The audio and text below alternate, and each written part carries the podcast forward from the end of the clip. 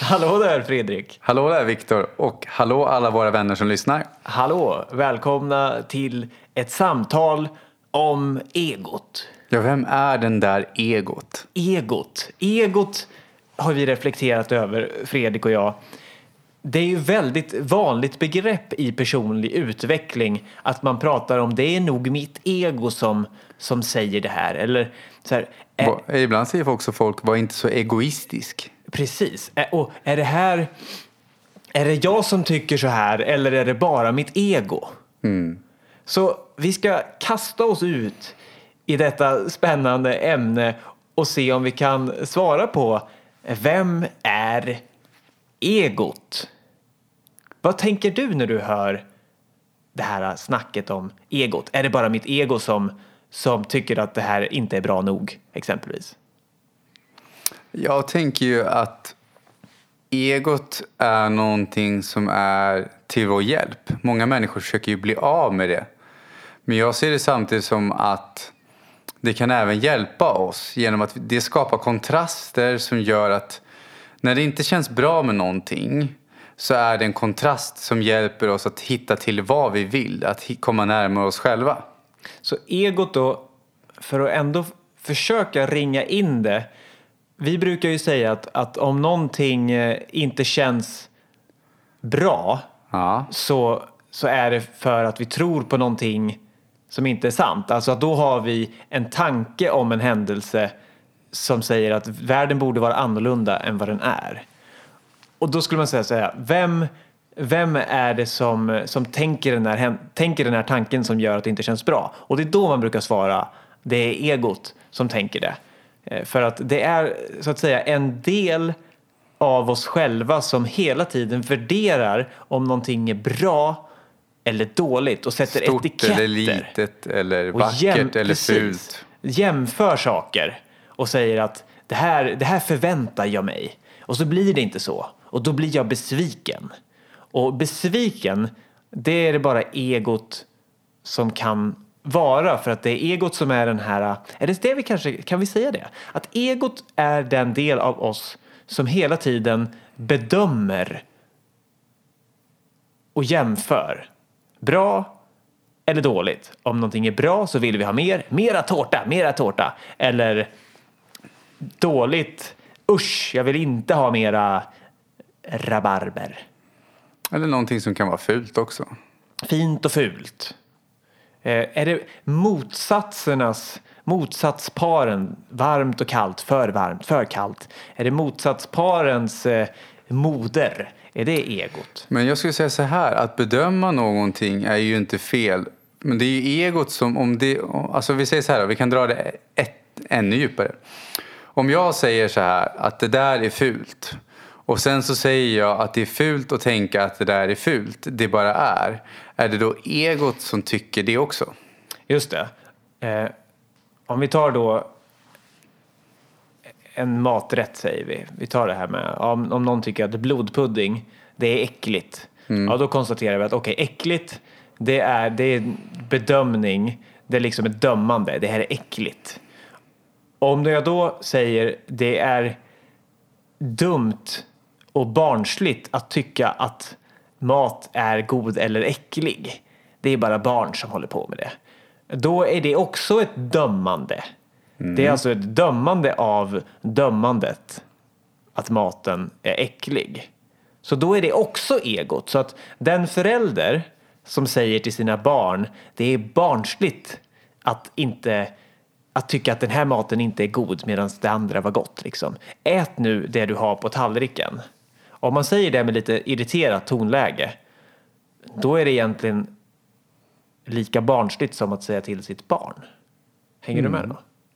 Ja, men jag tänker ju på att när vi har åsikter om vad andra borde göra eller inte borde göra um, och så blir vi besvikna så har ju det med egot att göra. Men det jag funderar på är, har du något konkret exempel på vad ett ego, alltså ett exempel på hur det skulle kunna se ut när ett ego styr i en situation? Ja, men det är just den här känslan av, av, eh, av obehag när någon, världen är på ett sätt men jag önskar att den ska vara på ett annat sätt. Alltså att inte acceptera saker som de är just nu. Det ser jag som egot. Och, och för att förklara vad egot är kanske man borde förklara eller borde och borde. Det är, då kan man ju välja att, att försöka hitta ett exempel vad som inte skulle vara egostyrt då. Och då skulle det vara att okej, okay, det här är den maten som finns på min tallrik idag eh, och då kan jag välja om jag vill äta den eller inte. Och det, det, det smakar mat. Så här, det, här är, det här är näring. Jag väljer att äta den. Jag tänker inte göra en bedömning om den är bra eller dålig. Eh, det, här, det här passar bra för det är det jag har framför mig. Det skulle vara en så att säga neutral hållning. Och egot är inte mycket för att ha neutral hållning. Det är kanske ett bra kännetecken. Men tror du inte att det kan vara till nytta för oss att ha åsikter? Då? Alltså det skapar en del av paletten som ingår i livet. Att, man brukar jämföra olika känslor som en färgpalett. Att den ena känslan är inte bättre eller sämre än den andra känslan. Det är precis som om någon mår dåligt så kanske man försöker få den andra personen att sluta må dåligt för att man själv mår dåligt av det. Mm. Men om man bara ser det som att den andra personen mår dåligt, det är en, det är en färg på paletten när den här personen målar sin livstavla. Då blir det mer ett konstverk och då går man inte in i deras känsla på samma sätt. Då kan man ju snarare vara en observatör av tavlan än att slukas upp av färgen. Just det. Så att då kan man fråga så här, är det möjligt att föredra är det möjligt att föredra en, en caesarsallad framför blodpudding utan att det är egot som, som väljer? Och då skulle jag säga att ja, det är ju möjligt. För att även om du är neutral, att du inte tycker att det vore hemskt att välja blodpudding, så så behöver du fortfarande göra ett val om någon kommer och frågar dig. Vill du ha tallriken i min högra hand eller min vänstra hand? Skillnaden är ju om man blir sur om man inte får välja exempelvis. Så att även när du inte tycker att det spelar så stor roll så behöver du ändå göra ett val. Men då gör vi det valet utan att eh, lägga så stor vikt vid det. Och ibland kan det vara egot som lägger till när man inte kan välja. Mm. Det är en skillnad på att vara neutral i det området. Om jag frågar dig, ja, vad är du sugen på till middag? Då kanske du säger, jag vet inte, för du har inte funderat på det. Men det är en skillnad på, vissa människor har ju att de kan, de kan inte, alltså att de kanske haft en livsupplevelse när de var yngre som säger att jag är inte tillräcklig och sådana här grejer. Eller att jag gör inte beslut som är bra nog och därför har de fått en låsning som gör att de har svårare att välja någonting. Då är det egot. Egot är ju mer baserat på vad som har hänt. Just det, egot, man kan säga så här då när, när, vi väljer någonting och säger att jag vill ha det här framför det här. Jag tycker om det här men inte det här. Då kan man ju undra, okej okay, vem, vad, vilken information grundar du det på? Och då blir ju svaret att det grundar jag på mina tidigare erfarenheter. Eh, och mina tidigare erfarenheter, alltså det hörs ju på namnet då, att mina erfarenheter är vad jag har upplevt och då har jag ett perspektiv att jag har tyckt så här förut, därför tycker jag så här nu. Eh, att allt som grundar sig i, i jag kan vara ego. Ja. För att för egots roll är att skapa de här eller jag ska inte slå fast att det är så, jag, jag höjer frågan och så kan vi se vad vi tror om det. Egots roll är att skapa motsatser. Varmt och kallt, det här är bra, det här är dåligt, det här är vill jag ha, det här vill jag inte ha. Och en sån motsats är jag och du. Men då ska vi säga så här, vad är, vad är syftet med att känna motsats? Om det skulle finnas ett syfte? Eller är det egot som vill ha ett syfte? Egot vill ha ett syfte, egot vill känna sig viktigt. Egot vill ha befälet i vårt liv. Eh, men vi kan ju också njuta av grejen att egots bästa anledning, eh, bästa liksom det är därför du ska välja mig. Fortsätt, fortsätt att använda egot. Det är ju att det lockar ju oss med njutningar hela tiden. Exempelvis att när vi fryser så är det ju härligt att komma in där det är varmt.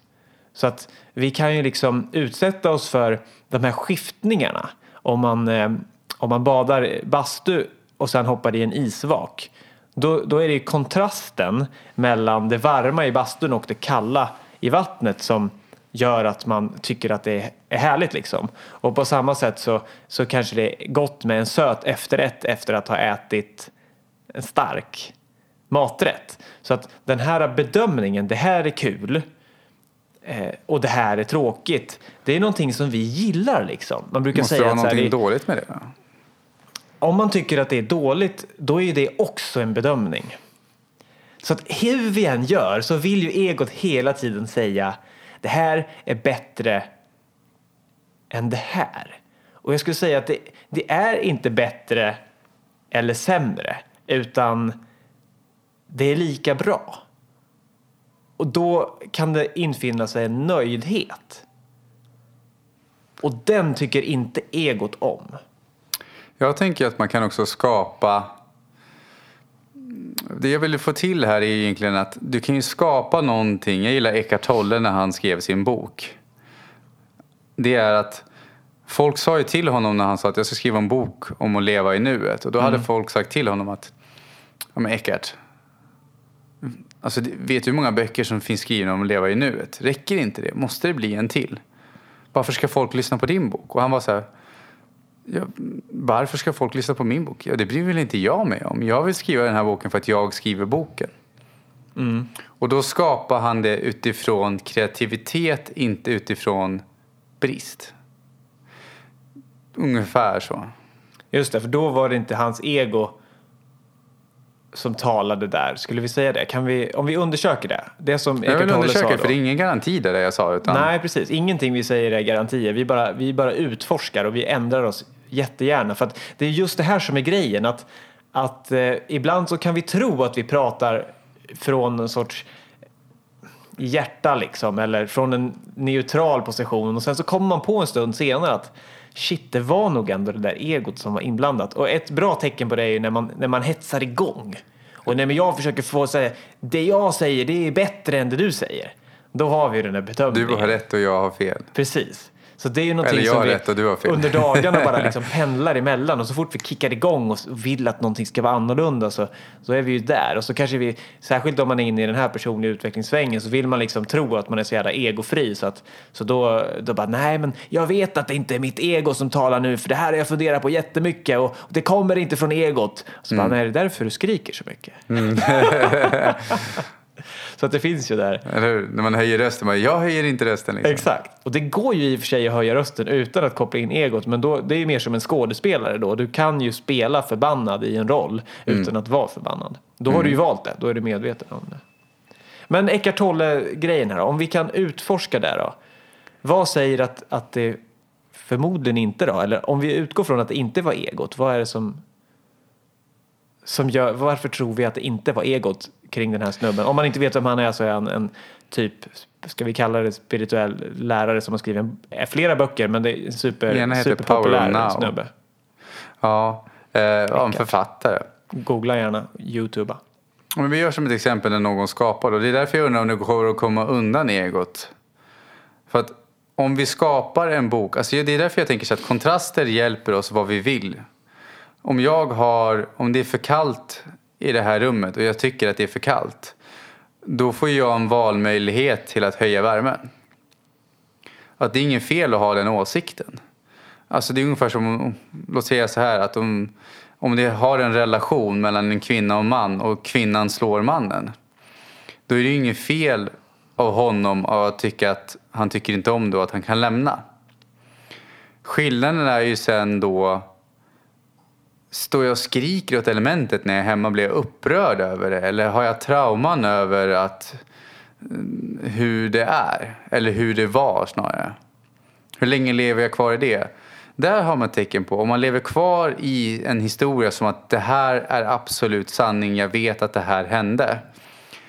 Då har vi egot där. När vi har en stark känslomässig koppling till någonting då är egot framme. Kan vi säga så i alla fall? Det kan vi säga. Men jag vill göra som ett exempel. Jag kommer ihåg att jag blev misshandlad av en taxichaufför för herrans massa år sedan. Jag kommer inte, alltså han hade ingen speciell anledning. Han bara fick utbrott mitt i alltihopa. Eh, och då gör vi som ett exempel. Då försökte jag göra en vändning på det där för att jag hade en period där jag var upprörd över det. Och då tänkte jag så här att han, vändningen är ju då att jag har orsakat det. Att jag är orsaken till allting i mitt liv. Och då tänkte jag, det måste ju fortfarande gälla även med taxichauffören. Och då var vändningen att han slog mig och då tänkte jag, jag slog mig. Så tänkte jag, men det gjorde jag ju inte. Han slog mig. Och då är en annan vändning att han gjorde inte det. Då tänkte jag, men det, det gjorde han ju. Just det. Det är ju helt uppenbart att han gjorde det. Jag kände det. Jag, alltså jag hade bilder då. De har jag raderat nu. Men, eh, men då var ju vändningen snarare så att han borde inte ha gjort det.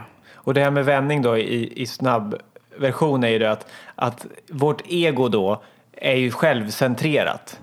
Så då kan vi, då skyller vi oftast ifrån oss och då när vi säger att man gör en vändning, taxichauffören slog mig, då kan man se om man kan vända det tillbaks att Han slog inte mig. han slog inte med så här, slog och mig istället för att skylla på taxichauffören kan det vara så att jag tar det tillbaks till mig och ser att jag har en, en del av, av eh, om jag är anledningen till det här istället för någon annan. Det är att vända situationen 180 grader. Nej, inte en del, allt. Om, om man ska vända, liksom förklara just det här vad en, vad en vändning är.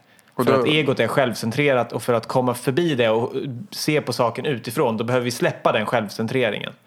Och det som ett exemplet är då, då blev det ju här att jag Ur ett fysiskt perspektiv så slog han mig.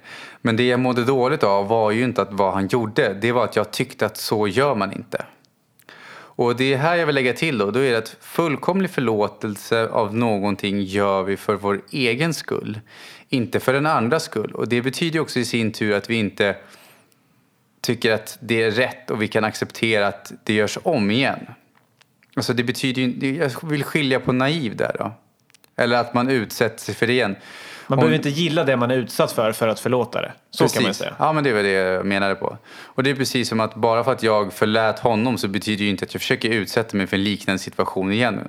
Då får jag säkert bearbeta den. Men alltså, Det du accepterar är att det har hänt och att du nu väljer att gå vidare. Det är det som är förlåtelsen egentligen va? ja. Och att jag accepterar att det som hände hände. För när vi mår dåligt så är det ofta för att vi tycker att han borde inte ha gjort så. Han borde varit trevlig. Jag borde ha kommit fram dit jag skulle.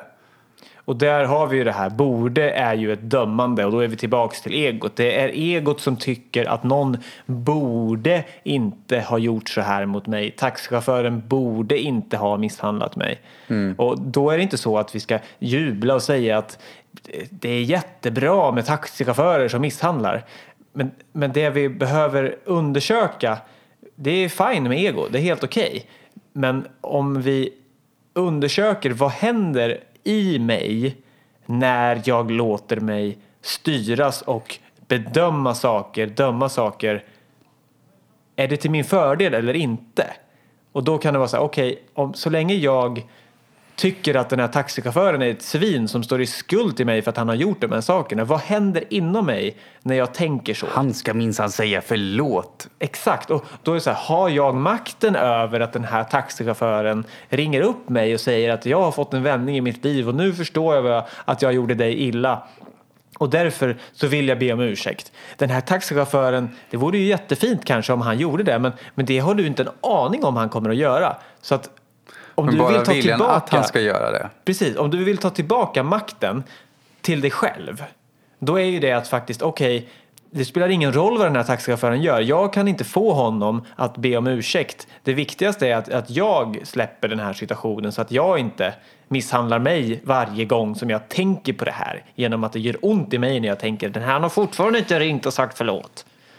Och inspirationen kommer från att man misshandlar sig själv är ju att jag lyssnade på en som heter Byron Katie tillsammans när hon hjälpte en man vars pappa hade slagit honom när han var liten. Och hon ställde så bra fråga. Det var vem var snällast mot dig? För hon frågade liksom, "Ja, men han slog dig. När slutade han? Jag kommer inte ihåg. Han var, inte, han var några år i alla fall när pappan slutade. Och då frågade hon hur länge sedan var det här? Och det var ungefär 55 år sedan har jag för mig. Och då är han, okej hur ofta tänker du på det? Ja, men jag tänker på det nästan varje dag, åtminstone varje vecka. Och då var ju frågan då, vem var snällast mot dig? Din pappa som slog dig någon gång eller du som har fortsatt var och varannan dag i 55 år? Och han hatade sin pappa så mycket att han önskade att pappan återuppstod så han kunde döda honom igen. Och så tänk dig gå i 55 år med det hatet. Mm. Och inse att det var han själv som fick sig själv att lida. Gång på gång på gång, ja. I 55 år. Ja. Och det var, det var en upplevelse att se hur den här mannen grät och i, i insikten av att men gud, det är jag som har fått mig själv att må dåligt för att jag tyckte att pappa borde inte ha slagit mig. Och jag skulle minst propagera det för världen. Pappan hade ju dött, han åkte ut i kriget och dog för att han ville försvara sin familj. Och då var han arg på pappan för att han åkte ut i kriget också. Men det som var viktigt där är ju precis som att om vi tycker att så borde det inte ha gått till. Eller det kan vara på en arbetsplats där vi har ett projekt vi jobbar med och så gör inte en av personerna det de tycker. Eller det de tycker. Det vi tycker. Ja. Det vi tycker. Och så blir man arg på dem för så man säger men nu havererar ju det här projektet på grund av dig. Du borde ju ha gjort de här sakerna och så blir man arg. Hur skulle du lägga en twist på det med egot? Eller alltså, det behöver inte vara en twist, men vad tänker du om egot och det? Ja, jag Varför är det att, positivt att inte vara arg i den situationen? Jo, för att det jag behöver undersöka i mig själv då är hur mår jag när jag blir arg? Och komma på att det är ju, i det här fallet och vi pratar om egot, det är ju mitt ego som gör att jag blir arg. Så då kan man tycka så här, ja men den här personen gör ju faktiskt något som är dumt. Ja, men vilken kostnad, vilket pris har det för mig att haka upp mig på att den här personen borde göra annorlunda? Och det går ju också, det kan man ju undersöka. Kan det vara så att jag kan acceptera att den här personen gör så här utan att jag behöver bli arg? Och kan jag då kanske säga till personen att jag tycker att du sköter det här på ett sätt som inte är bra? Kan jag säga det utan att själv engagera mig så- mycket så att jag blir arg? Och helt enkelt tala om det för den här personen men inse att jag har inte absolut makt över om den här personen kommer lyssna och ta till sig av det jag säger eller inte. Så kan jag släppa min ilska och prata med den här personen från ett neutralt perspektiv. Eller komma fram till att den här personen kommer nog inte vara mottaglig för det här ändå. Så att för att inte skada mig själv och brusa upp och bli arg så låter jag det vara istället och inser att jag kan inte förändra allting. Och ibland i vissa situationer kan det vara så att man behöver ta upp det utifrån de förutsättningarna som är med projektet om det ska ros i hamn. Och då kan det till och med vara på den nivån att personen, om man tar upp det ur ett neutralt läge eller icke, oavsett vilket läge man tar upp det med personen, och det slutar med att den här personen kanske kommer få sparken för att de gör inte de sakerna som är alltså, överenskomna där. Om personen blir upprörd tillbaka så är det deras ego som säger att jag borde få vara kvar här. Mm. Så vi kan inte ta ansvar för någon annans reaktioner. Det enda vi kan ta ansvar över är vår egen och då kan vi göra vårt bästa därifrån. Eh, Även den här diskussionen. precis. Men då tänker jag på, nu har vi pratat mycket om, om liksom vad, vad egot kan ställa till med. Att det gör oss missnöjda. För egots fiende är på något sätt nöjdhet och acceptans och balans. För egot vill att vi ska längta efter något annat än det inte- som är nu. Jag tänker att nöjdhet kan också vara egot. En vilja att vara nöjd. Ja, I stunden jag är nöjd, kan det vara ego då? vadå? Jag tänker att i stunden som jag är nöjd, då, då vill jag inte ha något annorlunda och då, då, då jag är jag ju så att säga neutral. Alltså jag tror att det är inget fel på att vilja ha någonting annorlunda. Nej, inget är fel. För, för om vi klassar någonting som fel, då är det ju egot som, Ja, som men är där. alltså, det är därför jag tänker på, liksom, om vi gör som ett exempel då. Ett träd växer. Och det är inget fel. Alltså, då tänker jag så här, att trädet växer, då är det någonting som skiftar. Det är ju någonting som blir annorlunda. Genom att det växer. Men det är ju inget fel. Förstår jag tänker då? Så om vi är i en situation där vi vill växa så är inte det heller fel. Och växa då skulle vara att förändra. Typ, jag vill ha en annan position på jobbet än vad jag har. Det skulle kunna vara en liknelse med att trädet vill växa en meter till. Ja. Eller- det jag eller- lägger till då med egot, det är snarare mår jag dåligt på jobbet varje dag. Alltså, vi gör som ett ex- annat exempel då. Låt vi säga så här att Ja, jag vill ha en bättre karriärsposition så därför gör jag de här grejerna som jag mår dåligt av för att jag ska kunna bli lycklig om tre år. Eller jag tror att karriärspositionen ska göra mig lycklig. Det är mer egot. Just det, och om trädet tror att jag kommer bli ett lyckligare träd om jag får en gren till som sträcker sig en meter till mot skyn, för då är jag närmare himlen. Så att jag ser det som att det, det är inget fel på att inte vara nöjd. Men jag kan fortfarande vara lycklig när jag växer och känner motstånd. Alltså låt säga så här att om jag, jag håller på att lära mig Final Cut, ett filmredigeringsprogram. Och då kan det ju växa upp ett motstånd inom mig. Men jag är fortfarande lycklig fast jag känner frustration och motståndet. För jag observerar motståndet och kan lära mig expandera utifrån det. Just det. Du välkomnar motståndet med ett intresse. Men då är det ju, man skulle ju kunna säga att i samma stund som du välkomnar och ser på motståndet med intresse så då har du kopplat ifrån dig från motståndet. Så då har du liksom, okej, egot skapar ett motstånd, men sen så ser du det och då kopplar du dig utanför det och säger så här, okej, jag ser att jag gör ett motstånd och då blir du ju neutral till det motståndet. Ja, men motståndet kan vara kvar. Ja, men då menar jag att egot får oss att tycka att saker är jobbiga. Men när vi titt- zoomar ut och ser att okej, men jag väljer faktiskt att gå igenom det här. Då har du så att säga neutraliserat egot. Men jag tänker ibland att egot är som avtryckaren på en pistol. Kan Ja. låta konstigt då. Men låt säga att vi ska köra prickskytte. Nu tar Fredrik fram en pistol och så sätter han den mot tinningen på mig och den är riktig och så säger han det är så här jag menar. Nej, dit ska vi inte. det hade varit... Ja, min tolk... Skrattar vi så att det slår i rött här i ljudmätaren. Men det gick Ja. nog bra. det var den närmaste pistolskott vi kom. Ja, nu tappar jag bort mig. Om Men... egot vore en pistol. Ja, men det är ungefär som att... Men skillnaden är så här att nu ska vi skjuta prickskytte. Vi ska Mm. träna på att hur, hur bra vi blir på att sikta på måltavla. Jag vet inte om den här jämförelsen är bra. Vi testar. Vi testar. Då är det mer som att egot är frågan, vill du trycka av? Vill du skjuta?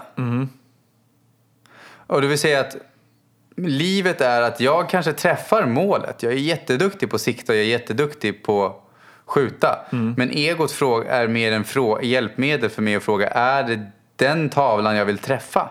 Okej. Är du, just det, är du nöjd med att sikta på den här tavlan typ? Eller är det tavlan till höger om den tavlan som du vill träffa? Så egot är en drivkraft till förändring. Det kanske man kan säga. Men också att den hjälper oss till reflektion. Som, alltså, låt säga så här då. Eh, man är i en relation. Vi har köpt ett annat exempel på ett mål. Det skulle kunna vara att man är i en relation och så tänker man det här är inte bra.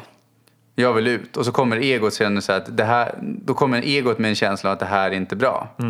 Då skulle en lätt lösning kunna vara att nej men jag, jag gör slut. Men då kommer ju egot igen med att är du säker på att det är det du vill göra? Det kommer upp med rädslor och sånt som får oss att reflektera och ta reda på om det är verkligen att göra slut som vi vill. Är det den tavlan du vill sikta på att göra slut liksom? Du kommer ju lyckas om du gör det, men är det dit du vill? Liksom? Så rädslorna kan ju hjälpa oss på ett visst så, alltså ett sånt sätt genom att de får oss att betrakta och iaktta och reflektera. Det hjälper oss att, att, att välja helt enkelt. Och, och även om de ju har en gammal laddning som säger att blodpudding är äckligt och pannkakor är gott så hjälper ju det mig ändå att välja när du kommer och erbjuder mig båda och det är ju inte dåligt då heller. Liksom. Det, man kan ju få ha personliga preferenser som är grundade på ens eh, tidigare eh, händelser i livet. Det är inget, inget fel med det. Men när vi pratar så mycket om att man känner igen egot på den här starka viljan att, att det gör ont när man går emot det liksom. Och att egot gärna säger, hörru du, nu har du ju duschat varmt här men skulle det inte, skulle det inte vara skönt med ännu varmare? Liksom att, att man, man frestas lite med sinnesnjutningar. Så här. Men vad är, finns det någonting bortom egot behöver vi prata om då? Alltså den här, den här mera, vad händer om vi väljer det neutrala? Om vi, om vi väljer att säga att nej men jag måste inte ha varmare i min dusch eller jag måste inte kakla om badrummet för, att, för det är faktiskt bra som det är. Alltså vad, vad finns det att, varför ska vi överhuvudtaget fundera på om, om vi kanske blir lite gladare av att ha mindre ego i vårt liv? Vad finns det att vinna när vi börjar utforska egot? Jag tror egot också förhindrar förändring. Alltså det vill jag lägga till. Att, låt säga att det finns många människor som kanske vill ha en bättre relation med de har. Men egot är ju en del av vår självbild. Så då kanske det blir att vi inte vågar ha det bättre. Det kan vara att man vill ha ett nytt jobb, man är rädd att säga upp sig ifrån det nuvarande jobbet.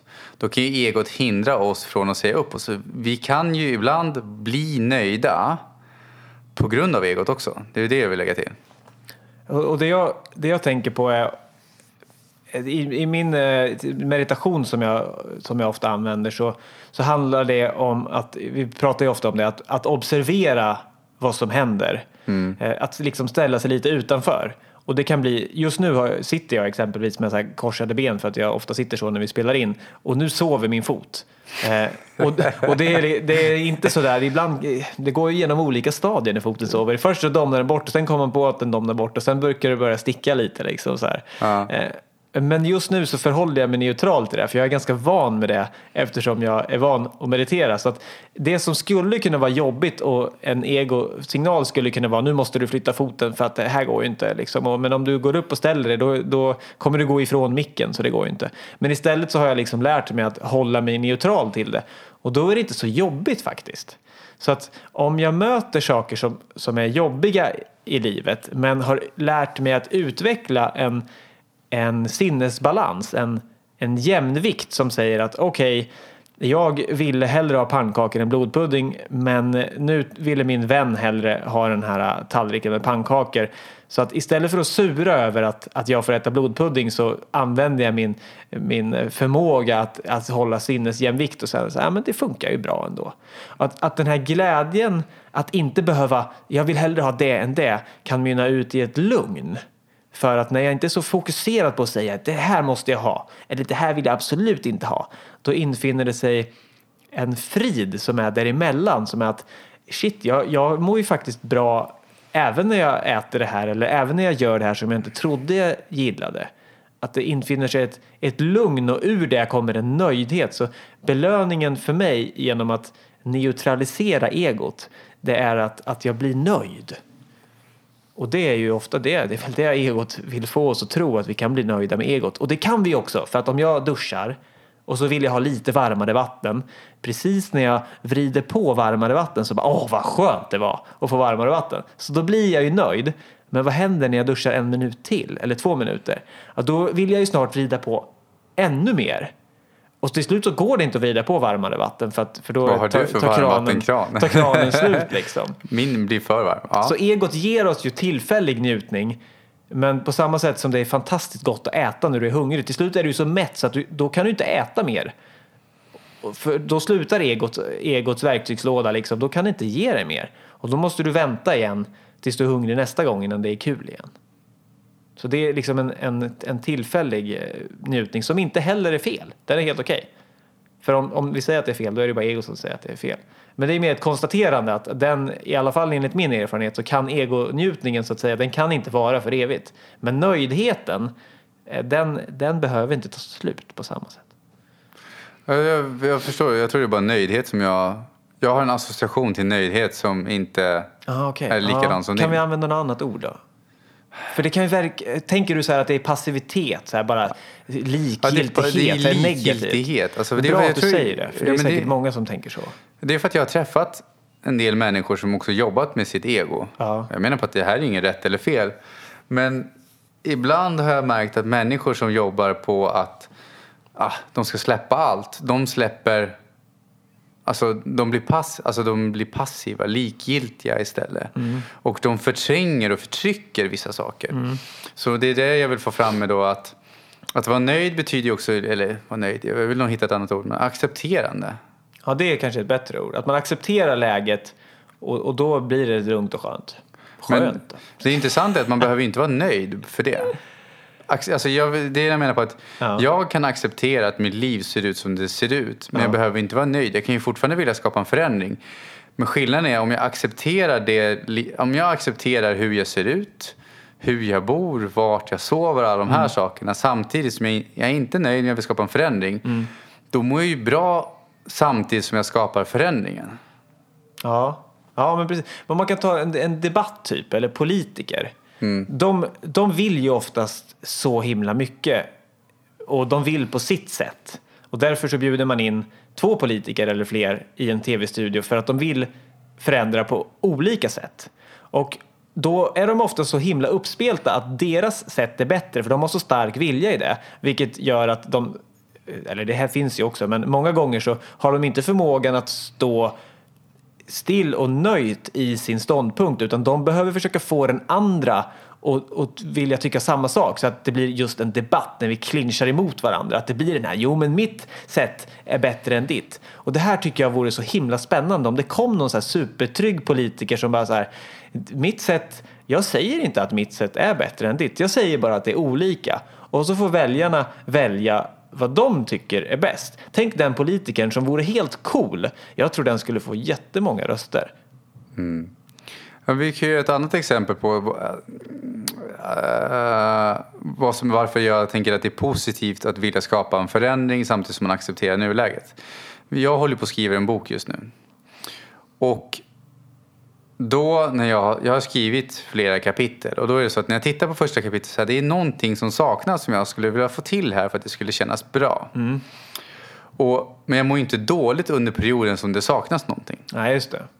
Utan jag mår ju fortfarande bra. Det är bara att det är någonting som saknas. Men jag är mer inne på att hmm, hur ska jag kunna hitta det?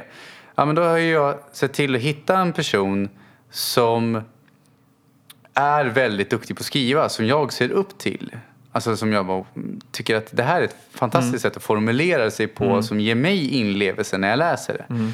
Så då kontaktade jag den personen och bad om feedback och hjälp. Att hur kan jag formulera den här texten bättre?